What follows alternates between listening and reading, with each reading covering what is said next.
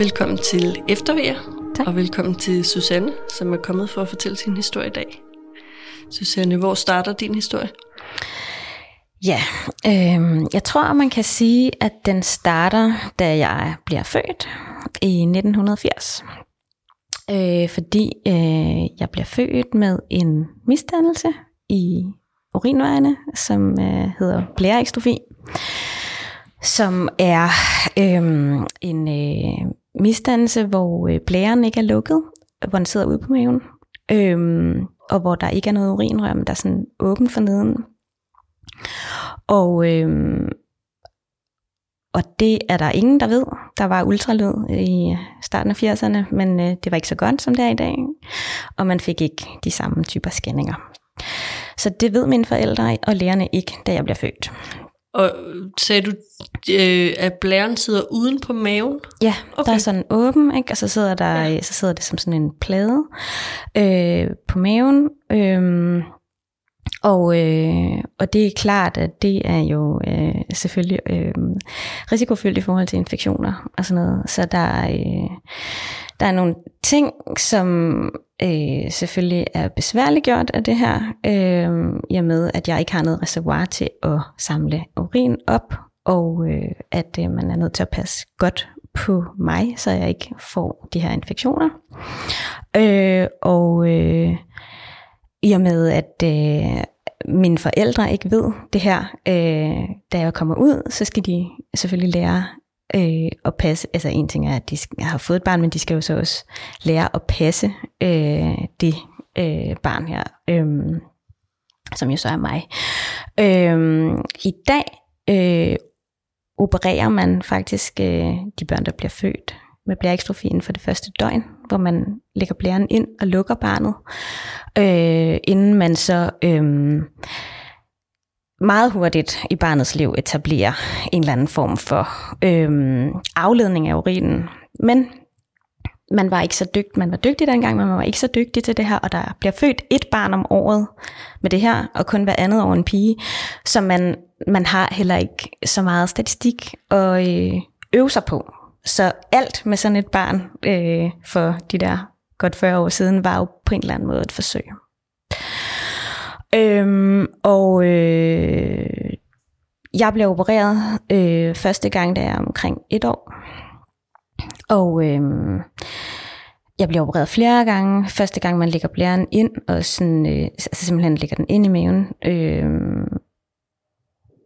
springer øh, mit sår for eksempel op, og øh, der er forskellige ting på den her børneafdeling, der gør, at, at der er sådan noget med sårplejen og sådan noget, som ikke er så godt og sådan noget. Men altså, jeg lever øh, et godt øh, barneliv med det her, og det øh, tror jeg til dels, jeg kan takke mine forældre og familie for, men også at øh, jeg på en eller anden måde har... Øh, været heldig ikke at blive sygeliggjort, fordi jeg har på mange måder haft et meget almindeligt liv.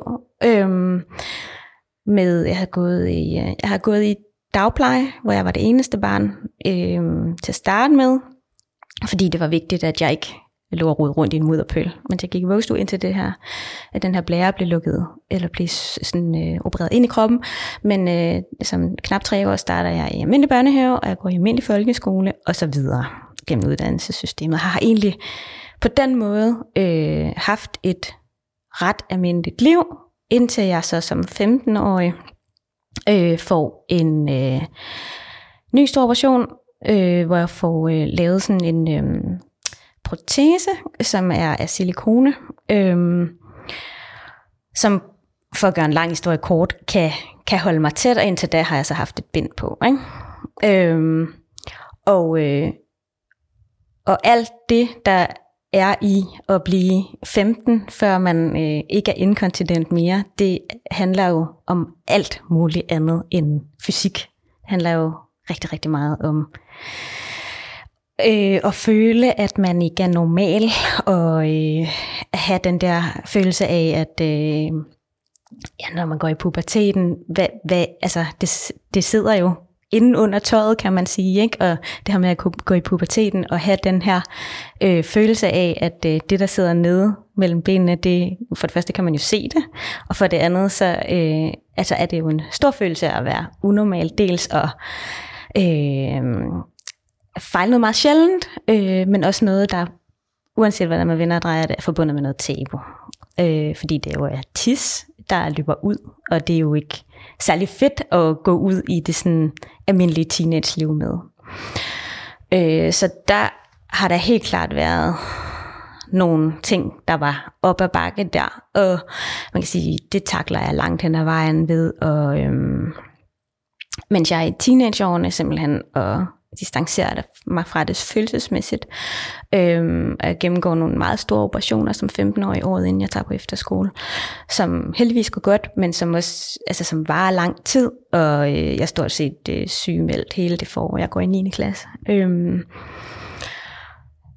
ja, altså så øh, kan man sige, så lever jeg, øh, efter jeg har fået den her øh, skotske protese, som det hedder, så lever jeg 15 år med den, hvor af de langt de fleste er virkelig gode, øh, og øh, jeg har jo virkelig forøget livskvalitet af at øh, altså, øh, være, være, ikke være inkontinent. Ikke?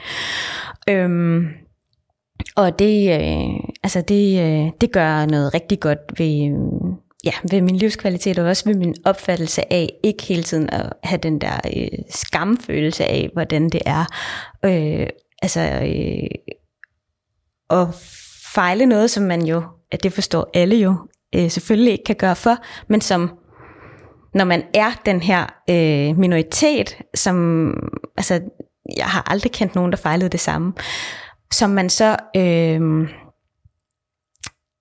er helt, helt alene med. Altså, er der ikke en, man kan tale med, øh, så skal på en eller anden måde finde sin vej i sådan helt alene.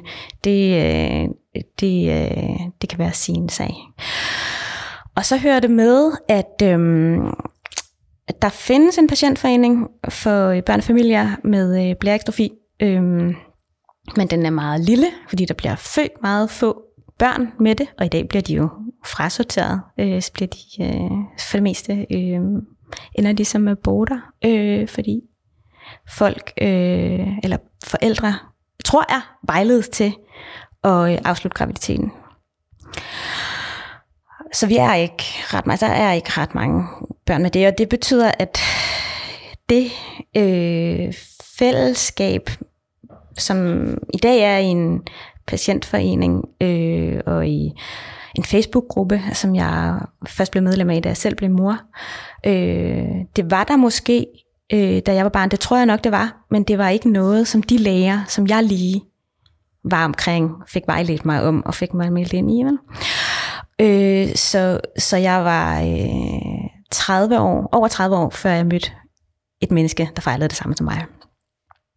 Øhm, og øhm, det, øh, ja, det, øh, det er, hvad det er. Øhm, men der var, øh, der var ikke nogen, der talte ret meget om øh, de komplikationer, øh, der kunne være. Der var ikke nogen, der, der sådan var specielt tydelige på, øh, om jeg kunne forvente at kunne blive gravid. Øh, og der var ikke nogen, der sådan... Øh, der var ikke nogen læger, der øh, tog den direkte snak, som, øh,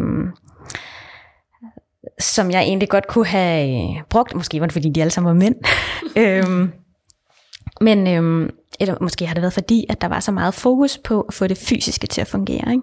Og der er der jo altså virkelig et stort efterslæb, øh, når et... Øh, et barn er så øh, specifikt og alligevel fejler noget, der sådan, selvom man klarer det godt, sådan er ret øh, omfattende. Og øh, i og med, at øh, jeg har øh, levet det her liv med, øh, med den lille hæklefejl, som min nuværende, øh, eller som min, den urolog, der har opereret mig sidst, altid siger, sådan, øh, at det jo er, at det på nogle punkter jo også er, hvad det gør, man gør det til. Fordi jeg har, øh, jeg har virkelig haft, altså langt, langt størstedelen af mit liv har været meget normalt. Så, så plejer han nogle gange at sige, at, at jeg også er et eksempel på, hvordan man kan, hvordan man kan leve godt, altså hvordan man kan, øh, hvordan man kan øh, øh, øh, skære det ned. Og det tænker jeg også er meget sådan åbenlyst, når man, møder mig, men jeg synes ikke, det hele historien. Og øhm, det at blive mor var især, har især altså virkelig bragt mange overvejelser til mig i forhold til begreber som sund og rask, og begreber som normal og sådan noget. Øhm, som, øh, som altså man har jo tit refleksion, refleksion over både sin fortid og sit liv og sin familie og sådan noget, når man står i den der situation. Øhm, hvor jeg øh, i høj grad har, øh, har brugt øh, de her, øh, altså øh, det at skulle være mor til at overveje, altså til at reflektere over, hvad har det egentlig betydet for mig at være øh, i, den her krop, øh, fordi at når man bliver gravid, så, øh, så ryger man ind i, øh, i sådan en verden, hvor alt bliver øh, målt og varet på gennemsnit og normalitet og, og sådan noget. Ikke? Øhm, ja, så øh, det er sådan ligesom øh, baggrunden for øh, den her historie. Øhm, jeg møder min øh, mand, min børns far, øh, sådan øh, ret sent. Øh, og øh, er øh, 35 år, da vi øh, kommer til den der samtale om sådan, øh, når man øh, skal vi prøve at få nogle børn, og jeg siger til ham, at, øh, at det, det er sådan på en eller anden måde overbevist om, at det kan jeg ikke. Og så siger han sådan, det tror jeg godt, du kan. Og så siger jeg sådan, nej, det, altså, han spørger sådan, er der nogen, der har sagt, du ikke kan? Og jeg siger nej. Øh, men der er heller aldrig nogen, der har sagt, at det vil blive hverken nemt. Så, så jeg siger sådan, øh, hvis nu, at øh, vi skal i fertilitetsbe- altså, fertilitetsbehandling eller sådan noget, så, så synes jeg, at ikke at vi skal vente 100 år med det, fordi øh, det tager jo også noget tid og sådan noget. Så den samtale har vi i øh, altså nytåret på vej ind i 2016. Og øh, altså hvor vi sådan øh, taler om, at øh, okay, nu er det her så et projekt, vi har sat i gang. Ikke? Og øhm, jeg bliver øh, så gravid i januar måned. Shit. ja. Øh, hvilket kom som, altså, som, en, som en virkelig, virkelig stor overraskelse. Øh, ja, altså det, det var virkelig overrasket over. Øhm, og øh, 1. april aborterer jeg så i uge 11, 12 stykker eller sådan noget, ugen før jeg skal til nakkefoldsscanning. Og jeg har været til en, jeg går på det tidspunkt også hos en gynekolog på Rigshospitalet, som har scannet mig i uge 7 og set et hjerteblink og sådan noget. Øhm, men jeg har så det, der hedder en, mis, altså en MA, ikke? en Mr. Abortion. Øh, og, og, øh, og det, øh, det forløber sådan helt efter bogen, eller det ved jeg ikke engang, om det gør, for der er jo mange, der enten får en kirurgisk eller en medicinsk abort i, den, i, det, altså, i forlængelse af det, men, men jeg begynder at bløde, og øh, vi tager en scanning og konstaterer, at der ikke er hjerteslag, og jeg får en tid på Rigshospitalet dagen efter, og der er det overstået. Så jeg aborterer derhjemme, og der er ikke så meget mere at sige om det, end at altså, det tror jeg alle, der har prøvet det, tænker, at det behøver de ikke at prøve igen. Øhm, men der er også, altså selvfølgelig er jeg ked af det, det er der ingen tvivl om, men der er også noget i mig, der har det sådan, okay, hvor vi, altså, nå, men det gik jo så meget hurtigt, så der er, altså jeg er sådan, hvis der er noget, jeg sådan har en fornemmelse af, så er det jo, at jeg måske altså nok ville kunne blive gravid igen, ikke? Men er du, tænker du, øhm, altså bliver du bekymret over, om du kan producere et raskt barn, så ja, at sige? Ja, ja det, altså det, øh, det er en grundfølelse hos mig, at det jeg blev jo, øh, altså fik jo, de, man lavede jo en øh, genanalyse på mig, da jeg var spædbarn, og øh, altså det er ikke øh, genetisk bestemt, det er såkaldt, en, et såkaldt øh, uheld, øh, når, når man bliver født med blærekstrofi, der, har ikke, der er ikke noget arveligt på den måde i det. Øh, eller ej, det tror jeg måske forskerne vil sige, at, at øh, det, det er et, en ting til diskussion, men der er aldrig nogen med blærekstrofi, der har fået et barn med blærekstrofi. Men det, det er sådan en altså sådan, det er, øh, jeg tænker enormt meget over, øh, om det her, det kan, øh, om det bare sådan kan gå godt, men øh, jeg er også et øh, på den måde rationelt menneske. Jeg kan godt forstå informationen, og jeg kan godt forstå, når lærerne siger, at du må ikke tænke, øh, du må ikke øh, tænke, at det her det er din skyld. Eller, altså, det er meget normalt at rapportere. Og det, for, det, det tager egentlig til mig. Jeg tror også, at der måske var der noget i det her med at øh, blive gravid så hurtigt, når man har været når man helt, altså jeg har haft mange år i min barndom, hvor jeg tænkt sådan, at jeg kan nok ikke få børn og har haft en sorg over det. Og jeg har øh, oplevet, at stort set alle mine veninder har fået børn før mig, og, øh, og altid tænkt sådan, at øh, det var jo ikke sikkert, at jeg kunne det. Men jeg har altid været helt sikker på, at jeg gerne ville, men jeg har virkelig tvivlet på, at det kunne lade sig gøre. På den måde har jeg nok jeg har nogle gange følt, at jeg har haft den sorg, som jeg tror, man har i fertilitetsbehandling over, altså bare over mange, mange, mange år. Ikke? Øh, og det, altså den der følelse af retfærdighed, og altså uden nogensinde og egentlig at have, øh, haft nogle begrundet øh, øh, mistanke, øh, fordi der er aldrig nogen, der har sagt, at jeg ikke ville kunne få børn. Men jeg har så som følge af, at, at det her med urinvejene øh, har gået hos en gynekolog, fordi det her med at, at have en seksuel debut, en seksuel debut har været meget, øh, var meget smertefuld, der har været igennem øh, altså også nogle ting i den afdeling, som, øh, som gjorde, at det var, at det var sin sag, og øh, ja, øh, var øh, et langt øh, psykologforløb, da jeg var i start 20'erne, og sådan, hvordan skal jeg få den her del af mit liv til at fungere, når jeg ikke tør give slip, når jeg ikke tør åbne op, når jeg ikke tør nogen folk komme tæt på. Øh, og det tog nogle ekstra år, øh, men det kom jo så til at fungere, både det ene og det andet. Øh, og det lange og det korte om den her board er nok, at jeg dybest set tænkte, gravid kan jeg i hvert fald godt blive. Om vi så kan komme derhen, hvor der også kommer et barn ud. Altså det har hele tiden været ikke rationelt skeptisk overfor, men følelsesmæssigt skeptisk overfor. Og så, øh, så sker der så det, at øh, i det der forår, så køber vi et hus, og øh, flytter ind i det om sommeren, og øh, dagen efter vi er flyttet ind i det, finder jeg ud af, at jeg er gravid igen.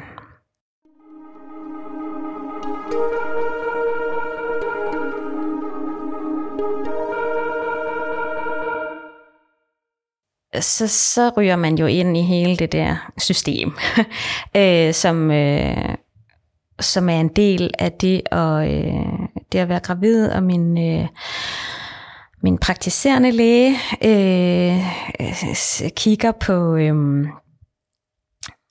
på mig og siger sådan, ja, men okay, men du skal jo ind til nogle specialister, og jeg skriver her, at du skal ind på Rigshospitalet. Vi, der hvor jeg bor her, men til videre. Men øhm,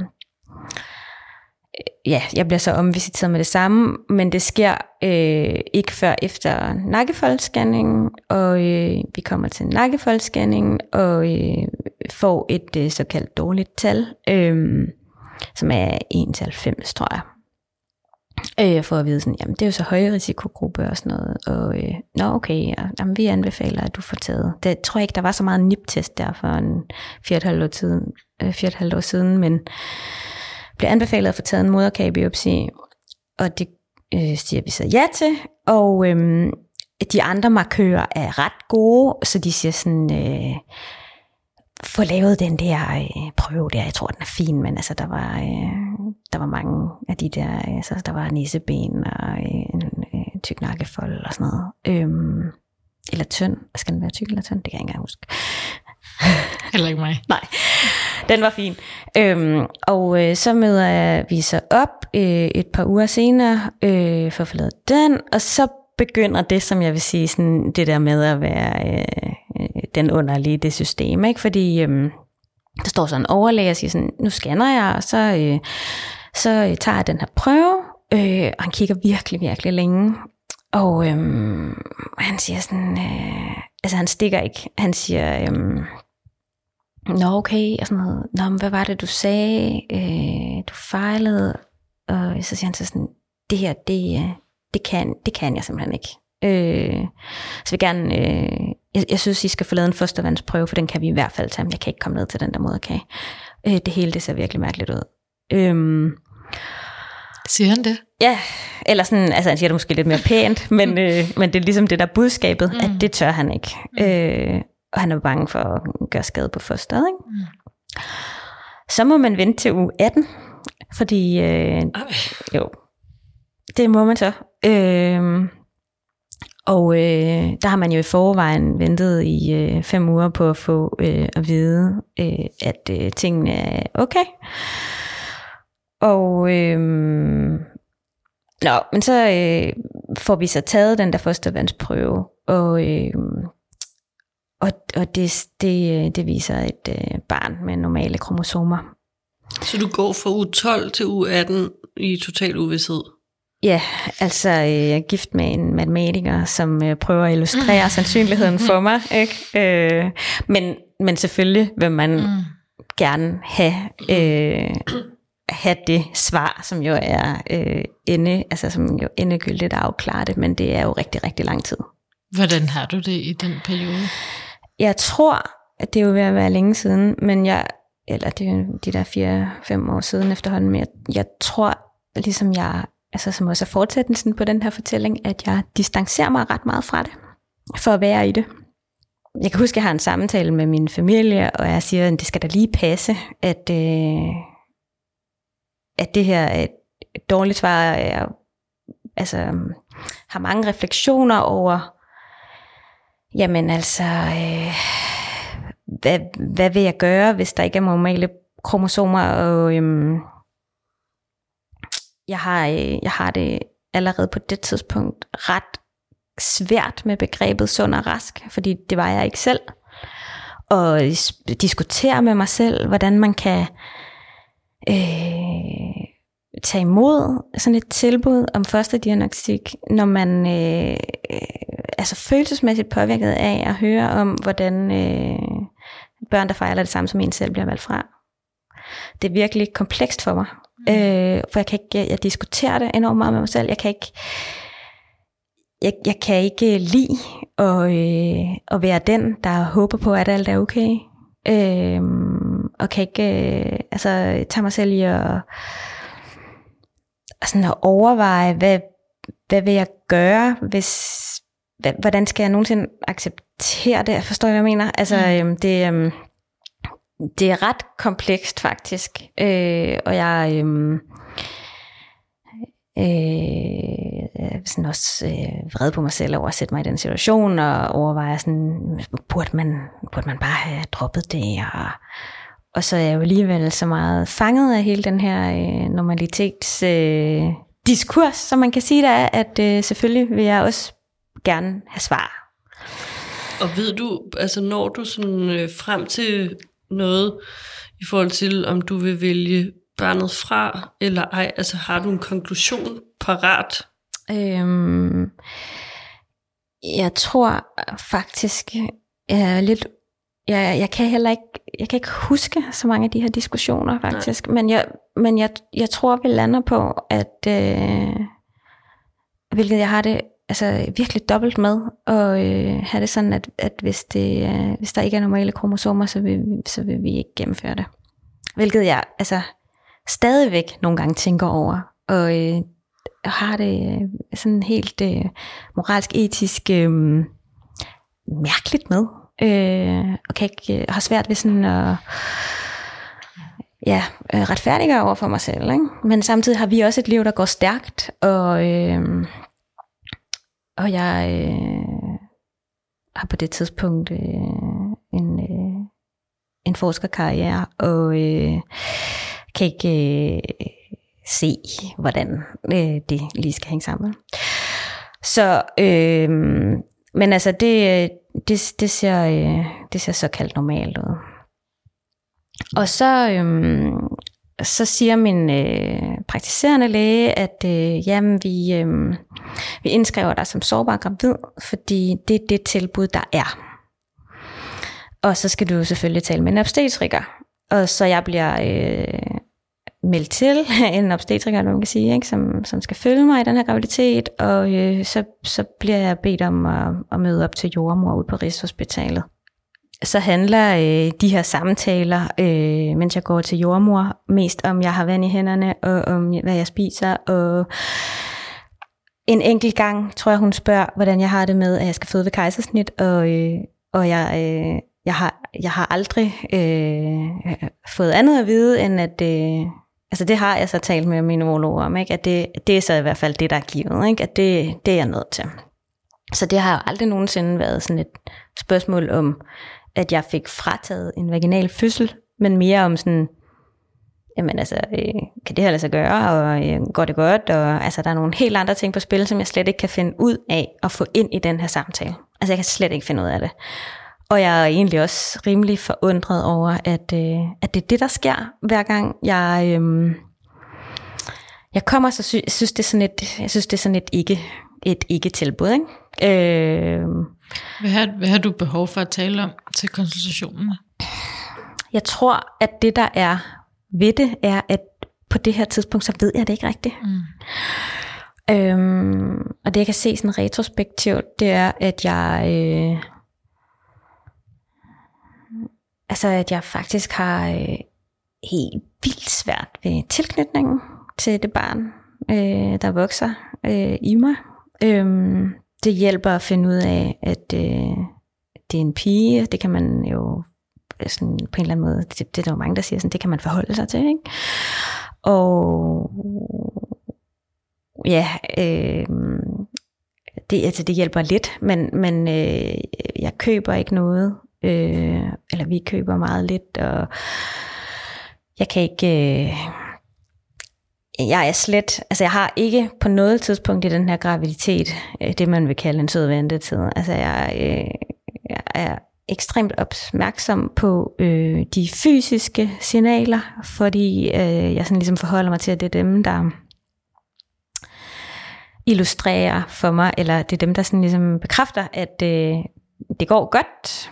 Øh, men jeg har også haft sådan en MA, så jeg ved godt, at man godt kan have kvalme, og alligevel være ved at abortere, fordi det har jeg jo prøvet. Ikke?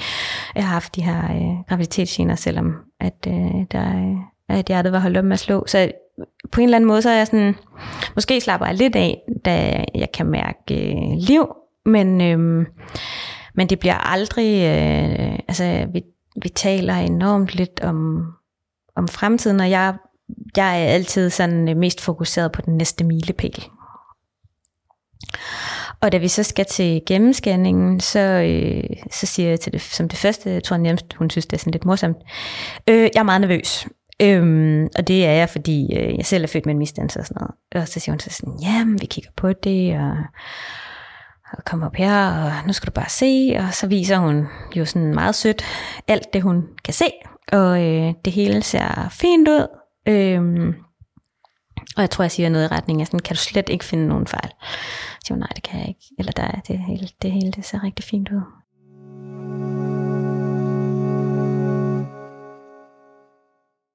Jeg begynder så også at gå, øh, efter jeg er halvvejs, så begynder jeg også at gå til de her lægesamtaler. Og første gang, der øh, scanner, altså det gør hun hver gang, så scanner hun, og så måler hun, og så siger hun så, øh, jeg synes godt nok, den ser lidt lille ud. Ja, ja. og så øh, siger hun, nu er jeg gået ned ad den sti, så det bliver jeg så lige nødt til at have nogen til at kigge på. Og øhm, så kommer der en ind, som, som er sådan, altså den, som hun siger sådan, nu kommer hende, der er virkelig god til at scanne. Øh, og hun er bare, altså hun er rigtig, øh, hun ved virkelig noget om det her.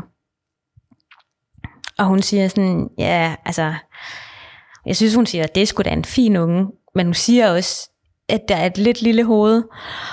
Og øh, det i gang sætter så, at øh, jeg skal komme igen efter 14 dage til en vækstscanning, og så kører den mølle, og det fortsætter så 14 dage, hver 14, altså hver 14 dage resten af graviditeten, så skal jeg derud. Og øhm, så sker der så også det, at jeg, øh, ja, altså hun starter så med at være de der, øhm, 14 procent tror jeg, det er, de starter med sådan at holde øje med det. For lille, og det bliver lidt, det bliver forøget gradvist, øh, hvilket vist er meget normalt, men, men det er en lidt lille model, øh, og, øh, og det er der så noget fokus på, men, men ikke noget, altså der er aldrig nogen, der sådan tale om hvorfor, eller altså hvad det kan have konsekvenser, det holder, det konstaterer de ligesom bare gang på gang, sådan, altså, at, nå ja, men der er nogen, der skal være små, og du er heller ikke så stor, og der er nogen, der er over, og nogen, der er under gennemsnit, og sådan noget. Men, øhm, men øh, jeg, jeg skal jo alligevel møde op, kan man sige. Ikke?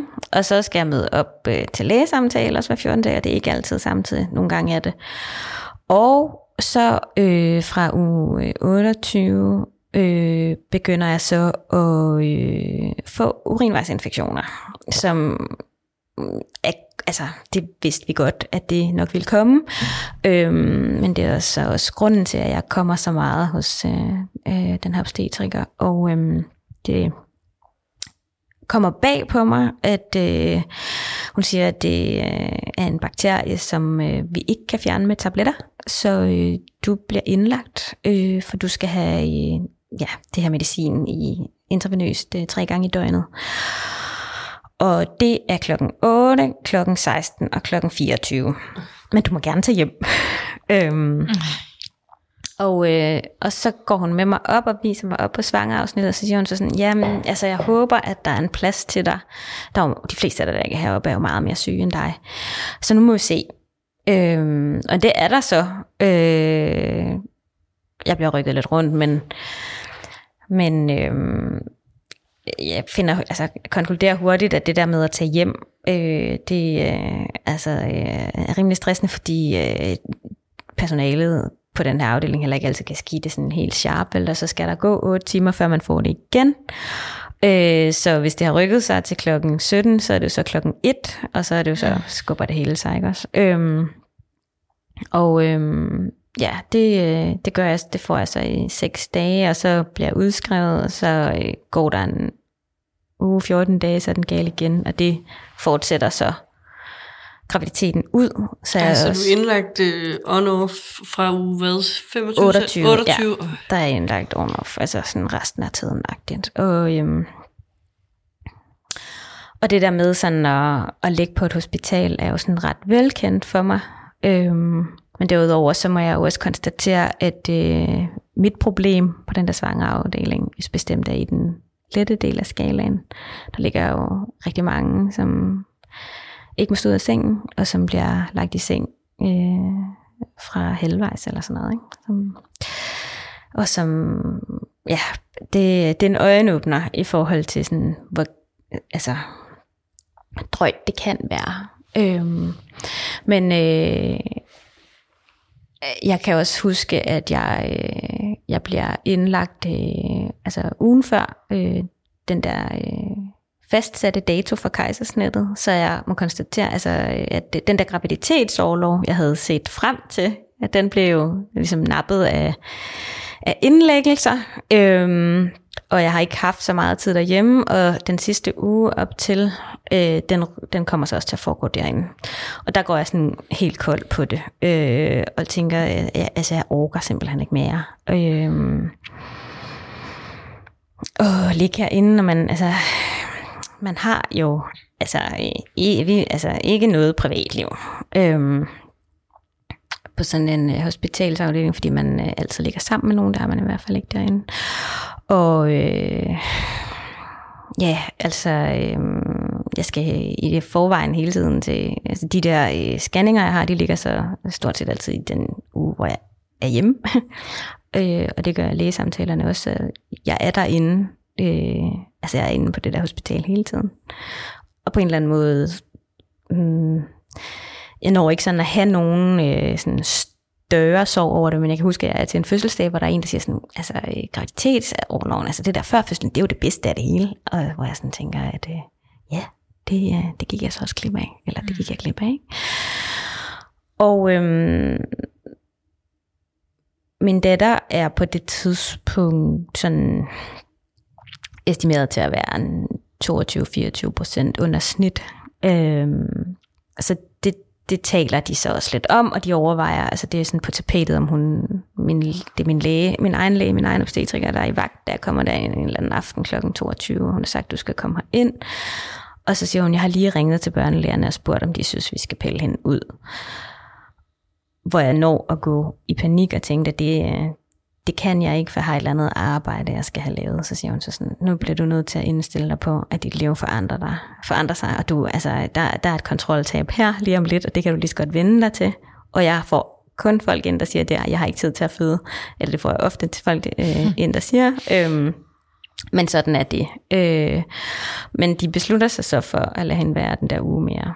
Øhm, og, øh, og det der så er, det er, at de, øh, de giver mig, øh, som de siger, sådan, der skal også være en fordel ved at være stammekunde, så de giver mig øh, i forbindelse med svanger afdelingen ligger øh, afdelingen for sårbar gravid, og jeg kan så få lov til at komme over at være der den uge op til, siger de, nu har du den her stue, og det er jo noget, man har for sig selv, så ligger man ikke sammen med nogen.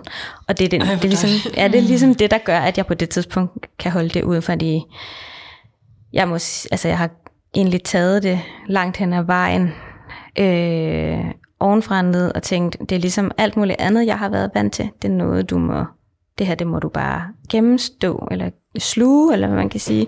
Det er bare et øh, skridt på vejen, og endnu en ting, som, som man må øh, tage, eller hvad man kan sige. Øh, altså, øh, jeg er, jeg er ikke der, hvor... Øh, hvor jeg sådan tænker, at det her, det, øh, det kommer bare til, altså jeg er slet ikke henne ved det der med det der, det kommer bare til at gå super godt, og jeg, jeg er aldrig derhen, hvor jeg sådan forestiller mig, eller hvor jeg, jeg sådan forestiller mig livet efter fødslen. Jeg er kun der, hvor jeg tænker, er der nogen indikationer på lige nu, at det ikke går godt? Og at der øh, skulle ske noget, det er jo sådan, hvis man er indlagt på svangerafdelingen, så, bliver, så kommer der en jordmor en gang om dagen og lytter med sådan en doptone og der er ikke noget, jeg hader mere. Jeg er fuldstændig overbevist om, hver gang de kommer, at der ikke er noget hjertelød. Altså sådan som i, altså sådan helt overbevist. Og jeg siger det også, jeg kan ikke fordrage det her. Og der er mange, der, øh, der har det modsat, og de, øh, de rigtig gerne vil have det, fordi øh, det bekræfter dem i, at, at der er noget, der er godt, og jeg, og jeg kan simpelthen ikke øh, udstå det. Alle de der øh, anbefalinger, der er om at snakke med en gravid mave og være nede i kroppen og øh, købe nogle ting til barnet og sådan noget, at de bliver jo ikke givet, de bliver jo givet af en grund. Øh, og, øh, og især hvis man, øh, hvis man ikke har et altså helt almindeligt forløb. Men der er ikke nogen i den her graviditet, der tager mig i hånden øh, på det følelsesmæssige og det er selvfølgelig også, fordi jeg ikke formår at række ud, fordi det på overfladen ser ud, som om jeg har vældig godt styr på det. Øhm, og altså, når det er sådan, at man er patient fra et andet speciale, når man øh, er gravid, så, øh, så bliver man jo regnet for at være øh, ekspert på det, man øh, fejler, eller hvad man kan sige. Og, øh, og sådan er, det, sådan er det også her. Altså jeg kommer flere gange ind og øh, har den her sygdomsfornemmelse i kroppen og siger sådan, jeg tror, at den er ved at være gal. Og de er meget sådan imponeret over, hvor er det vildt, at du kan mærke det. Fordi det er rigtigt. Øh, der er noget i din teori. Øh, og nogle gange oplever jeg også, at de siger, øh, hvad er det så, I plejer at gøre? Øh, og hvad, hvad synes du nu? Øh, hvilket jo også er utrygt to dage før hun kommer ud, der øh, har jeg sådan en øh, vækstscanning nede i øh, ambulatoriet, hvor jeg så går ned, og så øh, har, øh, har hun ligget med øh, hovedet sådan godt boret ind i mit i min ryg, eller hvad man kan sige. Altså, der, har, det har ikke været muligt at få nogle billeder af hende, og så siger den der øh, sonograf, øh, der scanner mig, at øh, Nå, men vi kan få nogle, øh, nu har hun drejet hovedet, nu kan vi få nogle billeder. Altså så sådan, det har jeg ikke set før. Jeg kan huske, at jeg står med de der billeder i hånden, og det er faktisk på en eller anden måde der, to dage før det går op for mig, der kommer et barn ud. Mm. Og jeg kigger virkelig meget på det der, og, og tænker sådan, øh, gud hvor vildt, og gud hvor vildt, at du slet ikke har forholdt dig til det før. Eller stort set ikke har forholdt dig til det, ikke? Fordi der er jo også noget med, at 14 dage før konstaterer vi derhjemme, at er nødt til at købe en dyne og noget sengetøj. Mm. Og, øhm, vi har jo taget en barnevogn, som står nede i vores kælder, som jeg nogle gange går ned sådan og kigger lidt på, og tænker sådan, okay, ja. Øhm, men, det, men det, er, altså det er virkelig den der følelsesmæssige tilknytning, som jeg nu kan se, havde været meget godt givet ud, og, øh, og har arbejdet noget mere med.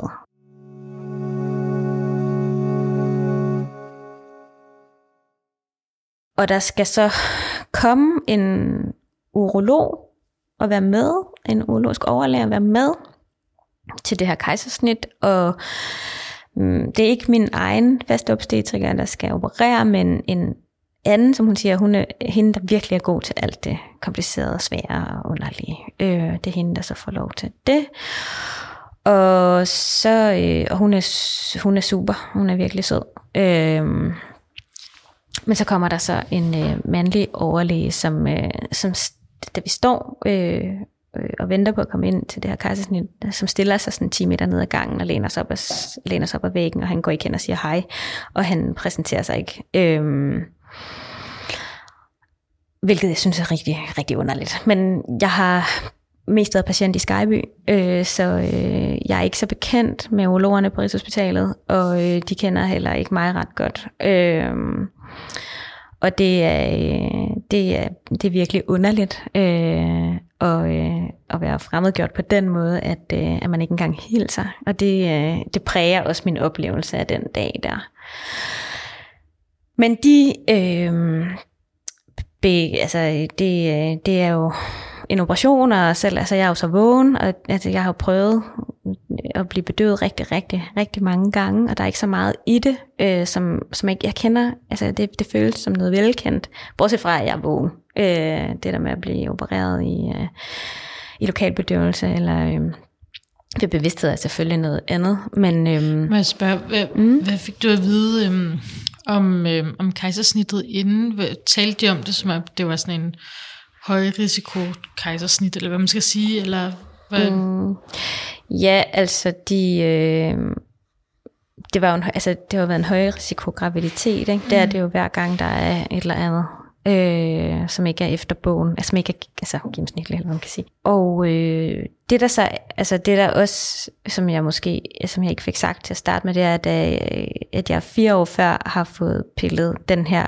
øh, silikone øh, øhm, ting ud af urinvejene ved en, altså det er en lang sidehistorie, som jeg ikke kan nå at fortælle her, men hvor har fået lavet det, der hedder en metrofenofstomi, som er øh, sådan en kanal, man laver fra hudniveau øh, ind i blæren, hvor man tager et stykke tarm, og så laver man simpelthen sådan en øh, kanal, og så når man skal tisse, så stikker man et engangskateter ind i maven, så løber urinen ud, og så smider man kateteret væk. Og det er den måde, jeg tisser på. Og det hele ligger jo oven i hinanden dernede. Og det er to, fire store operationer at få etableret den her urostomi. Og jeg har været mega bange for, øh, at i den her graviditet, at øh, altså jeg tænkte alt muligt, sådan, kan hun øh, skubbe den i stykker, og kan det springe, og hvad, altså hvad sker der? Og det, har, det tog et år at få den etableret, ikke? Og, øh, og man er sygemeldt længe hver gang, og ja, sådan nogle ting. Øhm, så jeg er på sin vis redselslagen for det her kejsersnit, men ikke af de normale årsager, men jeg er virkelig bange for, at de kommer til at ødelægge det der. Mm. Fordi øh, jeg, jeg, øh, jeg havde et meget hårdt år med at få det der lavet, ikke? hvor jeg prøvede at passe mit arbejde og var sygemeldt i lange perioder, fire gange i træk, og det sled os øh, psykisk selvfølgelig. Ikke? Så det er jeg bange for, at de, øhm, de kommer til at ødelægge, og den her urolog, som møder op, kender mig ikke, og han har aldrig set mig før. Vi går ind på den operationsstue, og han har ikke interesseret sig for det. Han har bare sagt, ja, ja, jeg skal nok komme. Altså sådan bogstaveligt talt. Øh, og, øh, og spørger ikke om noget, og det er, altså det er vanvittigt utrygt. Fordi jeg bare tænker sådan, jeg kan ikke, hvis de ødelægger det der. Altså, det kan jeg bare overhovedet på ingen måde overskue. Det er ligesom sådan mest det, der er i øh, hovedet på mig der. Og så øhm, kan man jo, altså er man jo ved bevidsthed, og jeg har sådan, man har jo også en jordmor med, og det er ikke en, jeg kender. Så mødes vi så nede på øh, operationsgangen, og hun øh, fortæller nogle vidigheder, og øh, altså i det hele taget, så øh, tror jeg, at der var nogen, der prøvede at løsne stemningen op, men, men jeg synes ikke, det virkede så godt. øhm, og øh, det er måske også, fordi mit fokus er på, på altså, at der er nogen, der ikke har opereret mig før, og som ikke kender mig, øh, og som jeg er i tvivl om har sat sig ind i, hvem jeg er, og hvad det er, de skal holde øje med, og øh, som skal... Øh, ja, der er jo mange ting på spil, ikke? og man er sådan, der kommer også et barn ud, og, eller hvad, og det vælter sig ind med studerende, som gerne vil se den giraf, og øh, som står med sådan, altså det de har lukket mig op, og det tager lang tid, øh, de opererer rigtig længe, fordi der er vanvittigt meget arvæv, som de skal ned igennem, og ja, jeg tror, fra jeg er blevet bedøvet, til de går i gang, til det, det, det går jo normalt rigtig hurtigt, ikke? Øh, der går der mellem en time og halvanden. Hold da op. Ja. Og de har, øh, de har sådan stort set, øh, altså det kan man jo se på nogle af de billeder, der er blevet taget. Sådan, altså de har jo flere organer ude, altså det er nok bare tarmen, ikke? Men, men det ser sådan ret vildt ud, og der er jo sådan flere iPhones hen over min, min mave, fordi at øh, de synes, at, øh, at det er spændende, øh, mange af de der studerende. Og så står der... Spørg, altså spørger de om lov til de der ting? Øh, ikke de studerende. Mm. De, er, de står ligesom bare sådan med baggrund, men jeg kan sådan fornemme, de er der og spørger os, hvem det er og sådan noget. Så, men altså, de blander sig ikke på den måde. De er bare... Der er jo rigtig, rigtig mange mennesker på en operationsstue i forvejen. Men det har heller ikke sådan på den måde, har det heller ikke sådan så svært med det.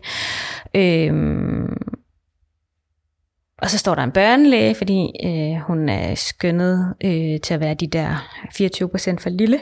Og de har fortalt, jeg har fået at vide, at vi ikke må blive, eller vi har fået at vide, at vi ikke må blive forskrækket, hvis hun lige skal have lidt hjælp til at komme i gang. Fordi hun bliver taget ud øh, 37 plus 5, tror jeg. Som jo lige sådan på kanten af termin, ikke? Og så er hun jo så i hvert fald det der øh, x antal procent under gennemsnit.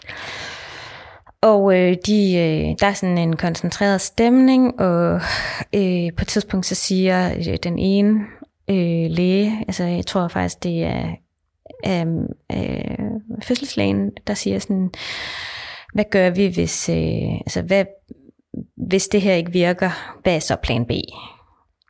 Og på den måde er det jo sådan ret nådsløst at ligge der i uh, Jesus stilling, uden at kunne røre sig og tænke sådan, det er jo, det er jo mig, de uh, mm. taler om. Ikke?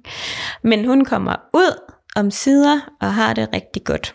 Øh, og de øh, ja, så bliver øh, båret forbi og siger lyd, og jeg kan huske, at jeg tænker sådan, at det var jo på checklisten, ikke? at hun skulle sige øh, lyd, og, øh, eller hun skulle skrige, og det var, og det gjorde hun. Og så, så øh, det, det er jo sådan en helt øh, surrealistisk følelse. Jeg fokuserer mest på det her med, at hun er i live, og der har ikke været nogen indikationer på, at det vil hun ikke være. Men det er, altså, det er bare øh, sigende, at øh, altså jeg ved godt, der er mange, der oplever det, men det, der er ikke nogen lykkeros. Altså faren vander virkelig høns, og øh, er helt øh, færdig over det, ikke også? Og jeg, øh, jeg spørger sådan, om hun har noget hår, tror jeg. Men hun øh, vejer øh, lige knap 2400 gram, men har det, har det rigtig fint første gang, min første graviditet, var jeg ikke så bevidst om, hvad man kunne gøre, altså gøre af gode ting. Altså jeg er ikke specielt optaget af lige den situation, at hun ikke kommer op til mig. Øh, hun kom, de ligger hende hen ved min kind, og så jeg kan se, og sådan, jeg kigger på hende og tænker, at, øh, at hun ligner sin far, og måske også lidt mig, men ellers, altså, øh, ja, så kommer hun op til sin far, fordi hun er så lille, som hun er, så skal de have hendes blodsukker op, så hun får noget mælk med det samme.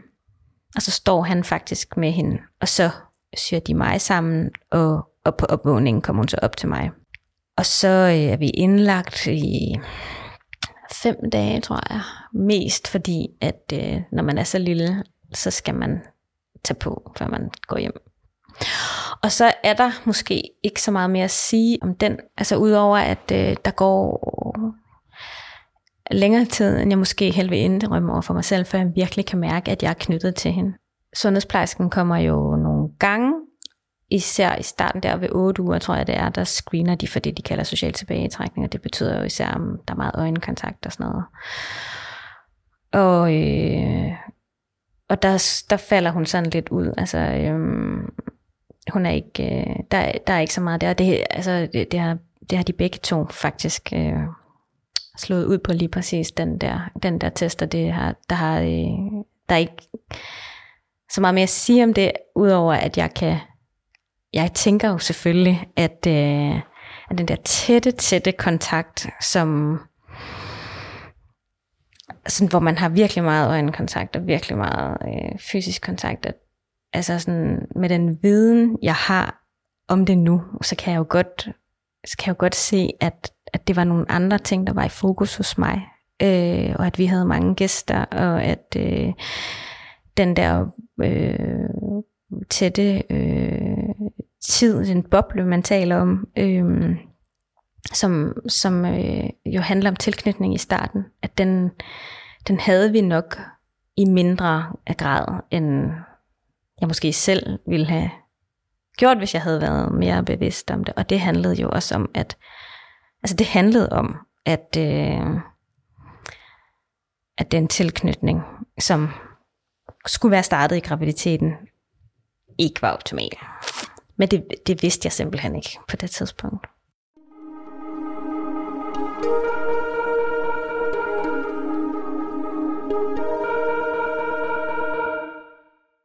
Så går der to år, så bliver jeg gravid igen.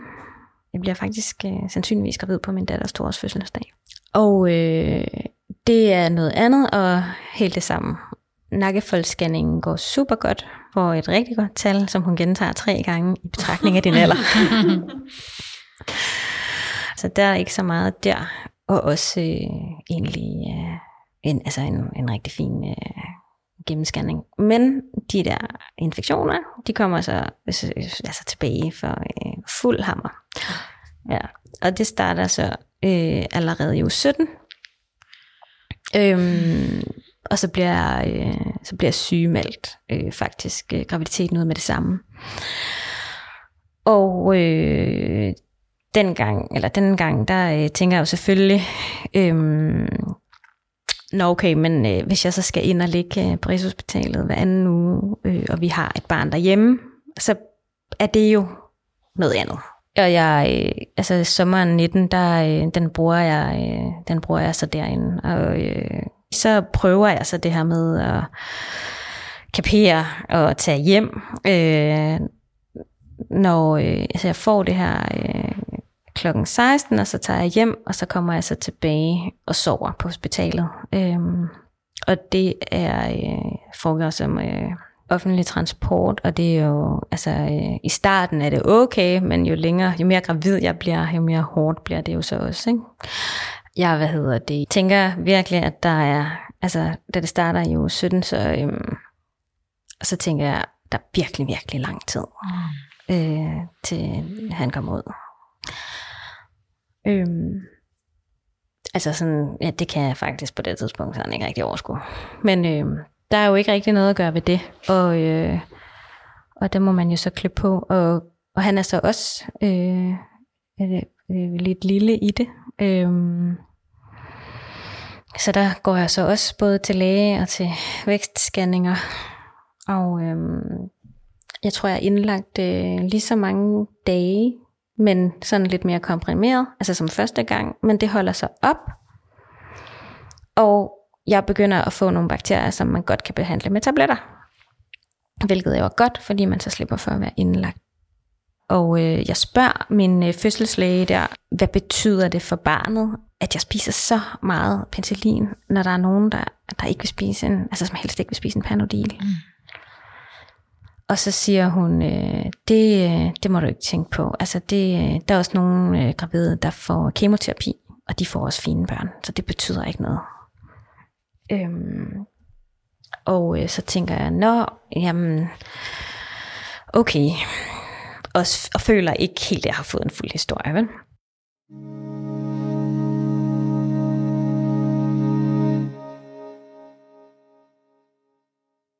Går lidt mere til jordmor og føler mig i anden omgang, anden graviditet her, utrolig set faktisk, altså på en helt anden måde. Og øhm,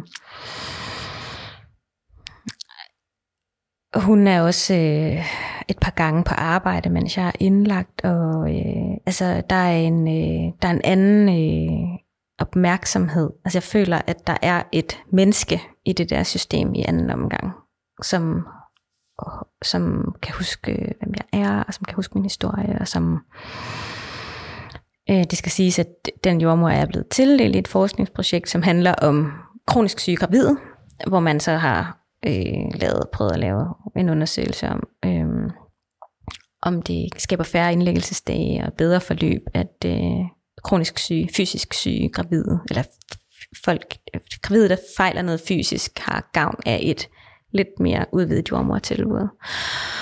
Og, og der er en kontrolgruppe og en øh, testgruppe, og jeg ryger i testgruppen og får så øh, det her sådan lidt udvidet jordmortilbud, og det kan man jo så have ønsket var første gang, ikke? Men, men hun er virkelig, altså virkelig god. Og alligevel, så, øhm, så sker der jo lidt det samme igen. Øh, det her med, at, øh, at jeg kan ikke, øh, sådan ikke helt forholde mig til, hvad det er, øh, der er ved at ske, og, og fokusere meget, meget lidt, når man har et barn og er gravid som I ved. Så der er ikke det samme fokus på det andet gang, vel? Jeg kommer øh, heldigvis øh, derhen, hvor, hvor jeg kan øh, nøjes med at være på penicillin, og det, men det er det samme. Det er, jeg spiser, øh, jeg spiser en pillekur, og så går der øh, en uge, max sådan galt igen. Og jeg får det på et tidspunkt sådan, at jeg synes, jeg kan smage det der medicin i alt, og jeg, jeg døsig hele tiden, og sådan svært ved at vågne, altså sådan se verden. Altså føler, at der er sådan en tåge, der er lagt ind over min bevidsthed hele tiden, og jeg er træt, træt, træt. Også meget tidligere, end jeg synes, jeg burde være. Og ligegyldigt hvad, så øh, jeg synes, jeg synes øh, friheden øh, i at være gravid øh, ryger på den måde, at jeg skal altid øh, til en eller anden aftale. Altså, øh, ja, på et tidspunkt så også tidligere end første gang, går jeg virkelig kold i det. Altså, jeg synes, der er så længe til det slut, og jeg kan på ingen måde nyde det, og brokker mig også, eller siger også til min jordmor, at, at jeg synes, det er drøjt. Og jeg siger det også til min obstetriker. Jeg synes, det er drøjt, og jeg kan ikke forstå, at jeg ikke kan vågne ordentligt op. Og jeg synes bare, jeg går rundt i sådan en tog, og hun siger, jeg siger, det er de der piller, så siger hun, ja, det er en myte, men, men det er ikke pillerne, der sløver dig, men fordi din krop kæmper imod de her infektioner. Og det er helt normalt, du har været meget, meget længe, at du har jo haft en kronisk infektionstilstand i en 3-4 måneder på det her tidspunkt. Ikke? Det er helt normalt, at du, altså det, det er helt forståeligt, at din krop arbejder på højtryk for at øh, kæmpe imod det her. Så selvfølgelig er du træt, og selvfølgelig. Men, øh, og så siger hun så sådan, øh, at du ikke vil få en depression, vel? Og hvis, man, hvis jeg var det, så håbede jeg da virkelig, at hun havde spurgt på en anden måde. Mm. Fordi øh, skulle man sige øh, jo, eller det, altså det kan man jo ikke... Øh, det har virkelig øh, undret mig over, at det er den måde, man sådan ligesom... Altså i, øh, i sådan en parentes siger sådan, du ikke vil få en depression, vel? Øh, og jeg siger, øh, nej, men øh, det, det, er, det er jeg helt sikker på, at jeg ikke er, men... Øh, men jeg må sige, at jeg synes, øh, jeg synes den, er, den er drøg. Og så sådan, øh, samtidig, så har jeg jo også de her refleksioner over, at der er virkelig nogen, der er meget mere syge end mig. Og, og, og øh, det er jo gået godt en gang, og nu må jeg også bare lige hænge i.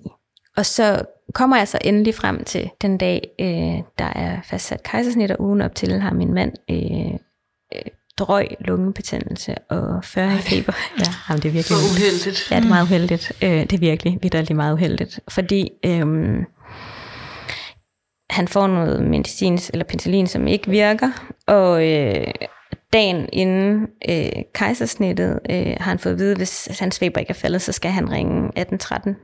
Øh, og de vil så gerne øh, have, at han bliver undersøgt og øh, han må skal på hospitalet have taget et røntgenbillede, og de siger, at øh, når det drejer sig om sådan noget, så er man sådan, altså når feberen ikke kan slå ned allerede af, af det, man har fået, så er de lidt mere tilbøjelige til at beholde en, ikke? Og, øhm, og han siger sådan, det er fordi, øh, vi skal have et kejsersnit i morgen, så jeg vil gerne hjem. og så siger den der læge til ham så sådan, øh, men øh, så må du bare vente udenfor. Hey. så, så, så venter du bare lige udenfor, så, så vi, du, du kan ikke lige være med til fødslen. Ja. Og så, øh, og, ja, og så øh, ringer jeg og siger det, øh, og spørger, hvad vi gør og sådan noget, og de, de er sådan ret cool ude på hospitalet, og siger sådan, nej, nej, altså, øh, han kaster et mundbind på, og så, øh, så er det jo ikke det, der smitter mest og sådan noget. Så der, der er sådan set ikke så meget der, men det hele er meget surrealistisk, og jeg får også en parkeringsbøde den dag og sådan noget, som jeg har, som jeg har gemt, fordi det er virkelig, øh, det er meget surrealistisk, at han, han er så dårlig der.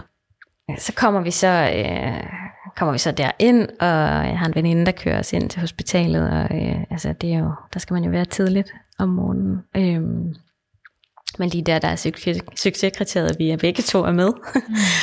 og, øh, og vi, går, vi går op, og, og, øh, og er egentlig sådan ret forberedt på, at der kan, der kan ske ting, så det, så det bliver udsat, og det første gang ventede vi fire timer. Ikke? Men det gør vi ikke. Så det, vi kommer hurtigt ned.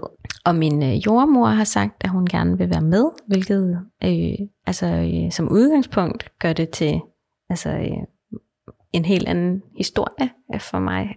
Fordi der er øh, en, der er velkendt, øh, som, som virkelig spiller på mit hold, og som har taget den der snak på forhånd om, at øh, når man, øh, jeg sagde, jeg har sagt undervejs i de her konsultationer, at øh, jeg synes, at det var, altså jeg godt havde en fornemmelse af, at, øh, at det betød noget, at jeg ikke fik hende op første gang. Og så siger hun, at hun kan se i mine papirer, at det faktisk stod i min journal, at øh, hud til hud kejsersnit ikke var muligt. Og det vil jeg, det vil jeg egentlig godt have vidst, øh, mm. for det kan man jo sagtens forstå, hvis man bliver forklaret, at det er en kompliceret operation, og øh, der skal være plads. Men min jordmor siger så, at hun lover at tale med den obstetriker, der skal fiske ham ud, og spørge, om hvis nu forholdene er til det, om han så kan komme op til mig. Hvilket, altså som, det, på, det påvirker mig positivt, at jeg sådan ved, at det får jeg måske lov til. Ikke sikkert, men måske. Og der er en anden urolog med her anden gang, og hun er, øh, hun er egentlig officielt min, øh, min kontaktlæge, men øh, jeg har mødt hende nogle få gange. Hun er en, en helt anden type end første gang, og sådan en meget festlig dame, som ikke er den type, der ikke siger hej, men tværtimod. Øh, så der er en helt anden stemning på den der operationsstue. Meget, meget bedre, og meget, meget mere let, og det er en meget mere festlig kejsersnit. Øhm, og øh, det tager også lang tid at få ham ud. Og han kommer ud og kommer op på det der børnebord, har det også godt, og vejer omkring 2800, hvilket de i den sammenhæng, jeg synes er en, et stort barn. Der er bare øh, god stemning langt hen ad vejen, og han kommer op til mig, og de bærer sådan ret hurtigt om, at han bliver fjernet, fordi de har taget ham ud. Det har de også første gang, de har brugt det ar, der er, også for ikke at lave råd i alt det, der er i forvejen, så har de øhm, altså opereret øh, begge gange på højkant. Ikke? Så de sidder sådan helt op i min, i min armhul og opererer, og de, de synes ikke, der er plads til, der ligger et barn. Øh, så han kommer til sin far, men det, det var i hvert fald en bedre oplevelse øh, at få lov at ligge lidt med ham der. Og øh, hen mod slutningen af, af, af kejsersnittet begynder jeg så at få tiltagende ondt og få det dårligt. Øh, og det er jo helt normalt, øh, at man kan få det sådan kvalme og få det skidt. Men, øh, men jeg siger, at jeg, altså jeg siger, at, jeg, at det bliver man jo bedt om, ikke? At sige, hvis man får det skidt, eller hvis man får ondt. Og jeg siger, at jeg synes, det begynder at gøre mere ondt, og jeg synes, at jeg har det skidt, og de, øh, de er søde og, sådan, og giver mig noget mere. Og på et tidspunkt, så siger jeg overlægen, eller øh, narkoslægen, at øh, han kan godt se, at jeg har det skidt, men... Øh, men han siger, at du, jeg kan ikke bedøve dig højere, altså jeg kan ikke øh, give dig, jeg kan ikke bedøve dig mere, du skal også kunne trække vejret. Øh, så på en eller anden måde er der sådan en limit for, hvor meget øh, jeg kan få, men på en, de får mig smertedækket meget godt, men til sidst, jeg, jeg får at vide bagefter at min jordmor til den der efterfølgende samtale, siger, du havde det virkelig dårligt på det tidspunkt. Og det havde jeg også, men det blev bare, det blev kun værre bagefter.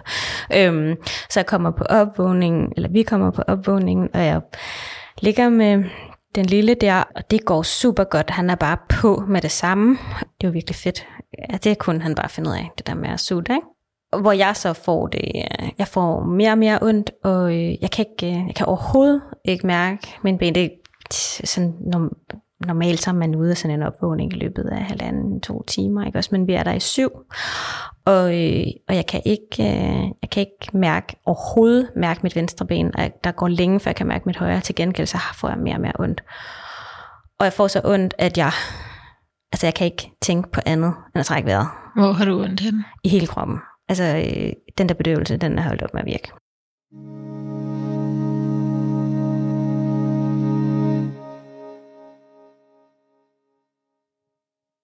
kæmpe støj derinde, fordi der er øh, to andre nye familier. Der er en, der, har, der er en, en familie, der har fået et kejsersnit, ligesom vi har, og, og så er der en, øh, en kvinde, som har fået tvillinger, som ikke er derinde, men som altså det føles som om, hun har taget hele sin familie med, og der er virkelig mange mennesker, og de bliver også bedt om at gå på et tidspunkt, men der, altså, øhm, jeg, kan, jeg kan bare høre, at der er snak og, og råb ved siden af, og jeg kan ikke, jeg kan ikke jeg kan heller ikke øh, ligge med barnet der, og jeg kan, ikke, jeg kan ikke andet end at trække vejret og sige, kan I ikke godt give mig noget? Altså, hvad kan, hvad kan I ikke bare altså kan I ikke bare give mig et eller andet? Jeg har virkelig, virkelig ondt. Og, og de kan hen og sige til mig sådan flere gange, undskyld Susanne, undskyld, vi har kaldt, men vi kan ikke give dig, der er nødt til at komme en læge og skrive det ud, og vi har kaldt mange gange, og det, jeg er virkelig ked af det her, og de kan ikke, øh, de kan ikke gøre noget, jeg tror, det var fra det sådan, altså mens det er rigtig slemt, så tror jeg, det var en time, før hun kommer.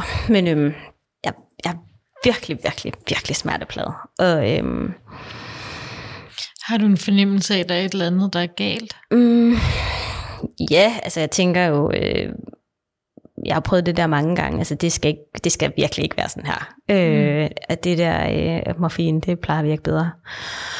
Jeg tror, at den er gået galt med, at han har, øh, han har øh, lagt den der... Øh, spinal. Jeg har fået både en spinal og en epidural, men han har fået den lagt sådan, at det, den sidder tre, ja, to døgn i mit venstre ben. Jeg kan, altså, det er sådan helt, altså jeg kan slet ikke rokke mit ben i to døgn, vel? Øhm, og til gengæld, så, så sidder den altså ikke rigtig øh, der, hvor de har skåret mig op på det tidspunkt der. Der kan jeg ikke øh, overhovedet koncentrere mig om andet end, øh, altså der løber bare øh, tårer ned. Øh, altså, altså jeg, jeg, jeg, øh, jeg græder rigtig meget og, øh, og prøver at holde sammen på mig selv, men jeg kan jo heller ikke rigtig røre mig, kan man sige. Vel? Om sider kommer der så en læge og siger, undskyld, undskyld, undskyld, at det tog så lang tid, og giver mig en ordentlig en på frakken. Øh, så jeg, jeg sejler ud af den der opvågning der. Øh, og det er jo selvfølgelig meget velkommen lige der at blive øh, smertedækket videre. Og vi kommer så op på barselsafsnittet, og det er jo så sådan der øh, på Rigshospitalet, at øh, der er ikke plads til faren. Og vi har talt med vores datter om, at øh, hun skal sove to gange, så vil vi komme hjem. Og, men han vil komme hjem til hende. Så jeg kommer derop og kan ikke øh, overhovedet, øh, altså overhovedet stå ud af sengen. For jeg kan ikke, jeg, jeg kan ikke mærke mit venstre ben. Og, og det er sådan, altså nu ved man jo, at jo hurtigere man kommer på benene efter sådan noget, så jo bedre går det. Så de er jo ret opmærksom på, at man kommer ud af sengen. Og det kan jeg ikke. Det, altså, og så lader de mig lidt være, fordi jeg, tror, jeg ved ikke, hvad de tænker, men måske sådan, Nå, så lader vi den lige gå til i morgen. Og øh, på hans, øh, altså på dagen derpå, der går det faktisk meget godt, og øh, vi har noget, altså vi har forældre på besøg, og, og store søsteren der, og jeg spiser en sandwich. Øhm, og øh, så tager de andre hjem, og så... Øh, så har vi øh, bestilt noget sushi øh, om aftenen der på, øh, altså dagen efter han er blevet født, som jeg virkelig ikke har lyst til. Øh, og jeg kan ikke rigtig sådan helt øh, sætte øh, fingre på, hvad det er. Og jeg har heller ikke rigtig lyst til altså, at hygge mig med det. Øh, jeg kan ikke øh, helt, øh, ja, det kan jeg ikke helt. Øh. Og så bliver de ved med at sige, at det jo også er meget vigtigt, at der kommer gang i maven, og man helst skal spise noget, og det er godt, at man kommer op og gå, og det er godt, at der kommer gang i maven og sådan noget. Og der er ingen, altså, og jeg ved alt det der, og jeg ved det sådan, jeg ved det virkelig godt jo. Øh, jeg har prøvet det rigtig, rigtig mange gange, og irriteret på mig selv over, at jeg ikke kan gøre det. Og så på dag øh, to eller tre, afhængig af hvordan man regner, altså to nætter efter han er blevet født, så bliver jeg så dårlig. Øh, og min mave hæver op til gravidstørrelse igen. Ja. Og, og, øhm, og jeg begynder at kaste op og få, øh, ja, altså få diarré. Ikke? Så det, de har været bange for, var, at der var gået, øh, altså at systemet ikke var kommet i gang. Det, det, altså, det står bogstaveligt talt ud af begge ender, og alt hvad der kommer ud af grønt. Og øhm, så begynder de jo så at øh, tænke, øh, nu, det bliver vi jo nødt til at finde ud af, hvad der foregår her. Ikke? Og jeg er virkelig, altså der er jeg jo virkelig skidt. Så bliver jeg røntgenfotograferet et par gange, og øh, kommer til en TT-scanning, fordi man kan, altså, nogen er jo heldige at få tarmslyng i forbindelse med kejsersnit, og de skal jo også være helt sikre på, at der ikke er noget andet. At der for, altså, de skal jo også få øh, cancer og sådan noget. Og finder, altså må konkludere til sidst, at det er ikke nogen af dem. Det er ikke nogen af de ting. Ja, så tager de jo så nogle forskellige prøver og sådan noget, og det viser sig så, at jeg har en, øh, sådan en øh, resistent øh, hospitalsbakterie, som, øh, som de siger, det er sådan noget, der slår gamle mennesker ihjel. Og, og så bliver vi isoleret, og hende, der er en, en kvinde, jeg har, øh, der var, fik kejsersnit samme dag, hun er så taget hjem, og så kan min øh, mand, øh, faren, jo rykke ind på stuen. Og så er vi så i isolation, og det betyder, at øh, det, der er kommet ind, ikke må komme ud, var jeg lige ved at sige. Altså det skal jo så, der, så, så har man virkelig, altså det er virkelig, øh, så, er man, øh, så har man pestagtigt, ikke? For øh, de er i fuld, øh, fuld rumdragt, når de kommer ind, og øh, vi må kun spise af øh, papservise, og ja, vi får et puslebord ind, og må ikke gå ud i det. Altså, og jeg forstår ikke rigtig hvorfor, men vi må godt få besøg. De må bare ikke vente i afdelingen bagefter. De skal gå helt ud. Men jeg kan ikke, altså, jeg er så dårlig på det der tidspunkt, at jeg, øh, det, altså, det har jeg heller ikke overskud til at have noget besøg. Jeg tror måske, at min datter er derude en enkelt gang. Hvad, hvad gør man ved det, hvis man har fået sådan en resistent bakterie? Man behandler det øh, med øh, penicillin eller med antibiotika. Okay. Og, øhm, og så får jeg det, og så altså i, og det, øh, at vi er isoleret i seks dage, og jeg er rigtig, er sådan ret skidt, altså vi er der i 10, ikke? Vi ligger der i 10 dage, og vi er i isolation i seks dage. Jeg kan intet mærke af det her kejsersnit overhovedet. Jeg bløder ikke, jeg kan ikke mærke, at mit sår gør ondt. Det eneste, min krop kan, det er at bekæmpe den der bakterie der, og jeg er ude på toilettet hvert kvarter, og det er også vildt hårdt, når man næsten ikke kan komme ud af sengen. Og kaster op, og der er nogle jordmøder op på den der barselsgang, som altså, øh, de skal bare ikke have det der, vel? så de vil ikke rigtig komme ind, og, øhm, og det er der jo nogle af dem, der skal, kan man sige, ikke? Øhm, men øhm, der er især en, der ikke vil, og jeg er virkelig, øh, altså jeg er, helt, jeg er sådan helt, øh, jeg spiser jo intet, det, der kommer ind, det er, det er sukkervand, altså jeg får for ikke at blive dehydreret.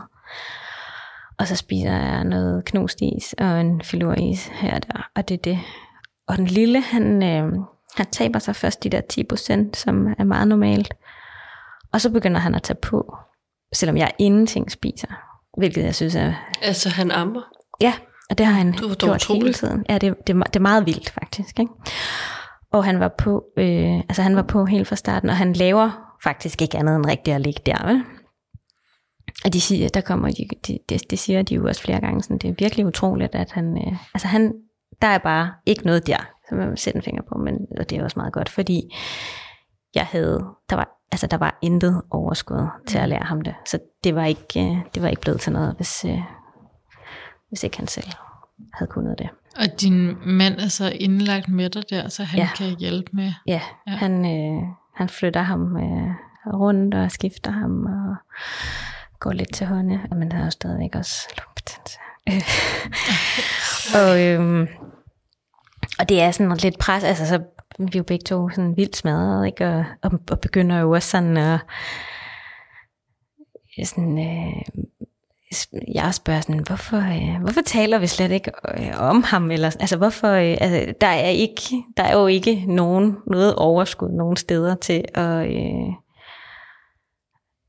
til at være i det, som, øh, som egentlig øh, som burde være fokus. Og så har I et barn derhjemme, der aldrig har været så længe væk fra sine ja, forældre. Ja, øh, som er i to år og otte måneder på det her tidspunkt, og øh, som har fået at vide, at hun skulle sove to gange, øh, før vi kom hjem, og det blev så 10, og det har hun ikke taget skade af, men det var da, øh, altså øh, hun var sammen med sine bedste forældre, men det var der længe, og hun, hun spurgte i lang tid efter, øh, mm. hvis, hvis øh, de der kommer, skal I så også være her, ikke? fordi hun jo ligesom, det havde siddet dybt i hende, at hun blev passet så længe. Ikke? Mm.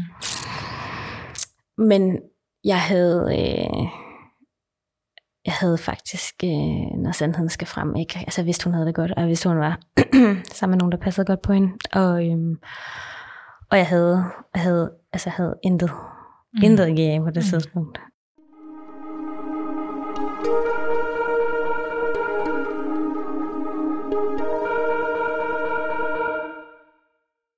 Ja, og så på et tidspunkt, så begynder det der medicin jo heldigvis at virke, og man kommer op til overfladen langsomt, og, øhm, og vi kan så tage hjem, da han er 10 dage gammel.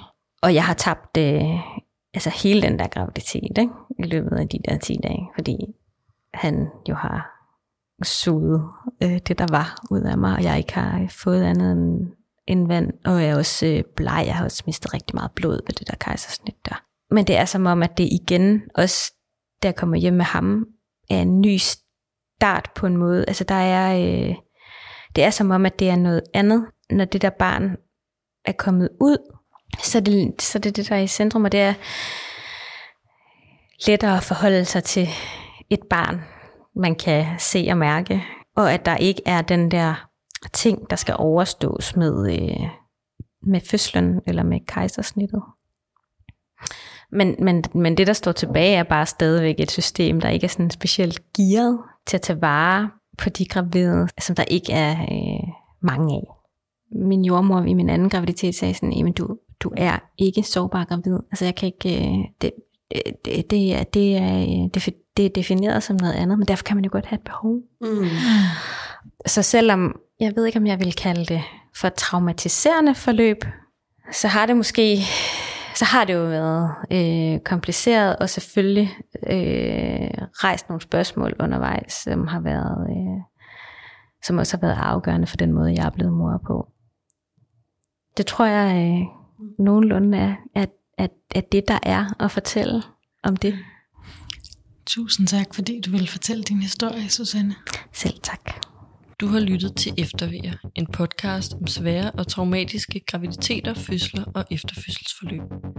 Hvis du kan lide, hvad du hører og gerne vil støtte vores arbejde med podcasten, så gå ind på www.patreon.com-eftervejer og støt med et valgfrit beløb. Musikken i podcasten er produceret af mig, Kærsi.